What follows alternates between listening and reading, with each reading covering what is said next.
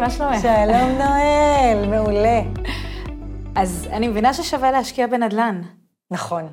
אבל בואי תמקדי לי, מה באמת שווה להשקיע? נואל, חוקי המשחק השתנו. מחירי הדירות בישראל בשחקים, והריבית מאוד מאוד מאוד גבוהה. מבחינתי, דירה זה כבר אאוט, וקרקע נהיה אין. כבר יותר ויותר נפוץ לומר, במקום דירה לכל ילד, קרקע לכל ילד. אוקיי, אבל נכון, הבנו שזה קרקע. הבנו, נילי. אבל בואי תסבירי לי, מה השלבים? איך אני יודעת באיזה שלב הקרקע צריכה להיות, שזה הסימן שלי? פה, זה המצב שאני משקיעה, זה מה שאני הולכת לקבל, זה לוקח ככה שנים, זה... תסביר לנו פשוט, כמו שאת יודעת. טוב. הסיפור בעולם הקרקעות הוא כזה. קרקע מתחילה מזה שהיא קרקע חקלאית הכי פשוט, הכי בתולי, שמגדלים עליה, כשמה כן היא חקלאית, אבטיחים ואבוקדו בשבילנו, סבבה? סבבה. ביום בהיר מחליטים במדינת ישראל, בין אם זה העירייה, בין אם זה המדינה, שעל, הש... שעל הקרקע הזו תיבנה שכונת מגורים. אפרופו זה נכון גם למשרדים, לבתי מלון, לכל דבר. אני פשוט מתמקדת בשכונות מגורים, כי שם בעצם בעיקר אני מוצאת קרקעות למשקיעים שלי. מה שאומר שפה עליה התקבלה חותמת על הקרקע. חותמת ממי? תב"ע קוראים לה. תוכנית בניין ערים. זה אומר שמרגע זה שווי הקרקע רק עולה ועולה. מהרגע של החותמת, כן. ברגע שיש חותמת שווה להשקיע. עכשיו, גם כש... לא, כמה פעמים שמעת שסבא של חברה שלך קנה גם קרקע חקלאית, ופתאום זה הופשרה? האמיצים ביותר. זה האמיצים ביותר. ולכן אני, אה, כשאני היום משווקת קרקעות, ואני אומרת להיכנס להשקעה לקרקע, זה מהשלב שיש על הקרקע את החותמת הזאת, שזה יותר ודאי. זה השלב הבטוח. הרבה יותר בטוח, הוודאי יותר. נואל, אני רוצה שספר לך סיפור. שבי אחורה, תתרווחי ותקשיבי. גלגולה של קרקע. קרקע מתחילה מזה שהיא חקלאית, כשמה כן היא, מגדלים עליה לצורך העניין אבטיחים ואבוקדו. ביום בהיר מניחים על הקרקע הזאת חותמת, קוראים לזה תב"ע, תוכנית בניין ערים, שמאותו רגע על הקרקע הזאת ייבנה שכונת מגורים. עכשיו, שווי הקרקע מתחיל לעלות בענק. אפרופו, היא התחילה כבר לעלות כשהיא כבר הייתה חקלאית ונתנה החותמת הזאת. אבל כמה ממך, אה, כמה חברות את כבר מכירה, ואת בטוח מכירה, שהסבא של הסבא שלהם קנה קרקע שהיא חקלאית, והפשירו אותה בדיוק באמצעות הרבה החותמת. סיפורים מעניינים יפה. אז כאן כבר, הקפיצה הזאת, מי שהשקיע עשה כבר את הונו. עכשיו, אני משווקת קרקעות רק כשיש עליהן תב"ע, כי אנשים רוצים יותר, מה שנקרא, תוכנית וודאות. מהשלב שיש את התב"ע, יש תוכנית מתאר. הוועדה המקומית, שזאת העירייה, מגישה תוכנית שכאן מתארת איזה שכונה תהיה, עשרת אלפים יחידות דיור, בית ספר, פארק וכן הלאה. מתארת בגדול, לכן היא נקראת תוכנית מתאר. יכולה לתת לנו דוגמה, למשל, מהתוכניות האחרונות שאת מכירה?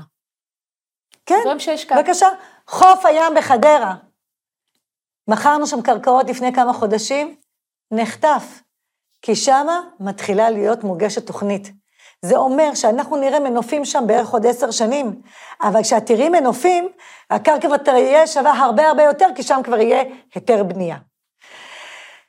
אמרנו, התוכנית הראשונה, תוכנית מתאר, המקומית, העירייה מגישה את התוכנית למחוזית, המחוזית צריכה לאשר, ברגע שאושרה תוכנית המתאר, עוד קפיצה בקרקע. זאת אומרת, שמי שקנה לפני, יכול כבר גם למכור אותה אחרי התוכנית מתאר, אם הוא לא רוצה לחנקות את כל השנים. זאת אומרת שכמעט כל תחנה, בול. אפשר לעשות איזשהו להכפיל קפיצה את רווחית. הכסף, ואתה יכול להחליט אם אתה רוצה למכור או לא. אחרי שתוכנית מתאר אושרה, מוגשות תוכניות מפורטות. זה אומר, כשמה כן הם, פרטניות, הן מתארות, פה יהיה בניין חמש קומות, שמונה קומות, בית ספר, פארק, כיכר, שביל וכן הלאה. התוכניות האלה מוגשות עוד פעם על ידי העירייה למחוזית, והמחוזית צריכה לאשר. כמובן שבדרך יש גם התנגדויות וקורים דברים, בירוקרטיה. אבל בירוקרטיה של שנים. לעשות. אבל השלב הזה שמאושרות התוכניות המפורטות, זאת קפיצה נוספת עצומה בקרקע. מכוח התוכניות המפורטות, אפשר להתחיל להוציא היתר בנייה, כמובן זה עוד פעם, בגלל הבירוקרטיה במדינת ישראל זה לוקח שנה, שנתיים, ואז מתחילים בנייה. דור טו דור, מעל עשר שנים. אבל זו הדרך שלך להגיע לקר... לדירה בחצי מחיר. עכשיו, אם אתה הולך לבנייה, פה אתה לוקח ליווי בנייה, ואתה בונה את הדירה שלך. תהיה לך דירה ששווה לפחות שלוש וחצי, ארבע מיליון שקל, בחצי מחיר במהלך עשר שנים. בכל המקומות שזרעתי, בראשון, רעננה, כפר סבא, הוד השרון, אלה ערים שאני בחיים לא הייתי יכולה לקנות דירה, לי ולילדים שלי, במקומות כאלה, ששוות דירות לפחות שלוש, שלוש וחצי מיליון שקל. עכשיו, גלגולה של קרקע היא כזו שמקצה לקצה זה יכול לקחת עשר שנים ואף יותר. אבל לקנות קרקע לבד, אם את רוצה לקנות את זה, את צריכה לקנות בכמה מאות אלפים, לא כמה מיליונים. אז איך אנחנו עושים את זה? לבד אנחנו לא יכולים, אבל ביחד כן. מה זה אומר? שיש יזם שרוכש קרקע, הרבה דונמים הוא קונה, ויש לזה יתרון עצום. הוא מזמין אותנו להיכנס לפי יכולתנו, החל מ-200, 100, 200, 300 אלף שקל. ואז אנחנו ביחד קונים את כל הדונמים האלה.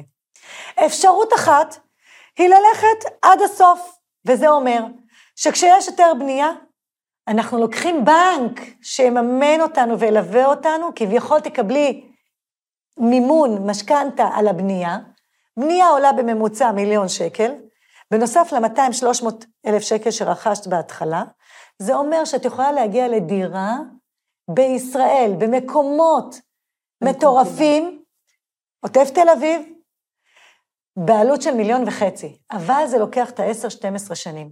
מאידך, אני מזכירה לך בפרק הקודם שדיברנו על אלטרנטיבה, גם אם אתה קונה היום דירה ולוקח משכנתה של 600-700 אלף שקל, הדירה תעלה בערך מיליון, משקיע את אותם 200-300 אלף שקל, לוקח משכנתה ל-20 שנה, הדירה תהיה שלך רק בעוד 20 שנה, כי ב-20 שנה האלה, השכירות, ההכנסה משכירות, תכסה את המשכנתה שאתה משלם. ואני רוצה לחזור לקרקע. דיברנו על אופציה של דירה. ואני אוהבת לזרוע, כי כל השנה, שנתיים, אני זורעת יחד עם הילדים שלי, גם הם מביאים קצת סכום כסף, 50 אלף שקל, 70 אלף שקל, לוקחים הלוואות, וביחד אנחנו זורעים. ועוד מיליון שקל שאני אלווה לצורך הבנייה, כי עוד פעם אמרתי להתמנף, זה נכון, גם יש לי את הכסף הזה, שווה להתמנף, זה נותן לך את הקרש קפיצה. כולנו לוקחים ליווי בנייה, כל הדיירים, כל המשקיעים יחד עם היזם, ובונים את הבניין. אבל מי דואג לכל זה? היזם דואג להכל, זאת המומחיות שלו, זה התפקיד יזם? שלו. לא כל יזם, או. רק יזם שמומחה בקרקעות, אז זה נורא מומחה חשוב. בבנייה. זה נורא חשוב להיצמד לאנשים הנכונים, לא לכל יזם וגם לא לכל קרקע. כי הרבה קרקעות קורות להם דברים בדרך, ואנחנו צריכים להיצמד לקרקעות שיש עליהן תוכניות שאני בחנתי, בדקתי, קראתי את השמות, הלכתי לעירייה וכן הלאה, יחד עם היזם, שהוא זה שמאתר את הקרקע, וביחד אנחנו משקיעים. נילי, יש הרבה יזמים כאלו בארץ. כן ולא, כי יש הרבה שמוכרים קרקעות, אבל אנחנו צריכים ללכת רק עם המומחים, ובאמת הם כמה בודדים. הוותיקים. הוותיקים. שכבר הוכיחו את עצמם. שהוכיחו את עצמם, וזאת המומחיות שלהם, לקנות קרקע, להשביח. עכשיו, דיברתי על הפלואו, שאתה הולך לדירה, Mm. שזה סבבה וזה מעולה וזה מושלם, כי אני אוהבת את זה, אבל יש לי גם עסקאות שאתה לא צריך לחכות את העשר שנים פלוס ולהגיע לדירה. יש עסקאות שאחרי כל קפיצה שכזו, אתה יכול למכור את הקרקע. עכשיו, מראש אנחנו נכנסים לעסקה, שבהסכם עם היזם אנחנו חותמים כולנו שאנחנו מוכרים את הקרקע בתום שלוש שנים לדוגמה. זה אומר שהיזם וכל המשקיעים, ואף אחד לא יכול להתנגד לזה, ולהפך, אנחנו רוצים את זה. אני יכולה לספר לך על עסקה מדהימה שעשינו פה בנשר בחיפה, ואותו דבר ביוקנעם, שקנינו את הקרקע לפני הקפיצה. עסקה מאוד מפורסמת, דרך אגב. עסקה מאוד מפורסמת, היה עליה בעיתון, זה בהחלט. נקרא אה, זה נקרא אה, אה, פרויקט המחצבה בנשר. קנינו יחד עם היזם רפאל 4.4 דונם ב-24 מיליון שקל. עכשיו, מי יכול לקנות 24 מיליון שקל? אז היזם, היזם שם את הרוב, וכל אחד מאיתנו נכנס ב-100, 200, 300, יש כאלה שנכנסו ב-400, יש כאלה ששמו מיליון, ו-700 אלף שקל, כל אחד יפה יכולתו. אבל ממי רוכשים את זה? הם רוכשים את זה מידיים מהיזם. פרטיות? לא. היזם. אה, מידיים פרטיות, אוקיי. שרוצות למכור, שלא יודעות להשביח. ו... שזה המומחיות של היזם. בדיוק. שהוא יודע שיש שם תוכניות, שהוא יודע להשביח אותן, שהוא יודע לא רק להשביח אותן, כי בעצם מי שמקדם את התוכניות זה העירייה, המחוז, ולפעמים המדינה באה לקדם את התוכניות. למה? כי היא אומרת, יש משבר דיור, אני צריכה לקצר תהליכים ולזרז יותר, אני רוצה פה להקים שכונת מגורים, והיא מקדמת את התוכניות גם כן.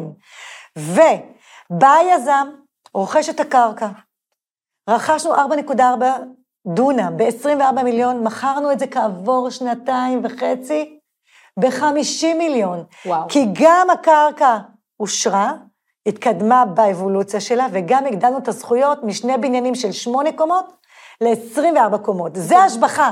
מי ששם 500, מי ששם יצא 500, עם מיליון. אה, אפילו יותר.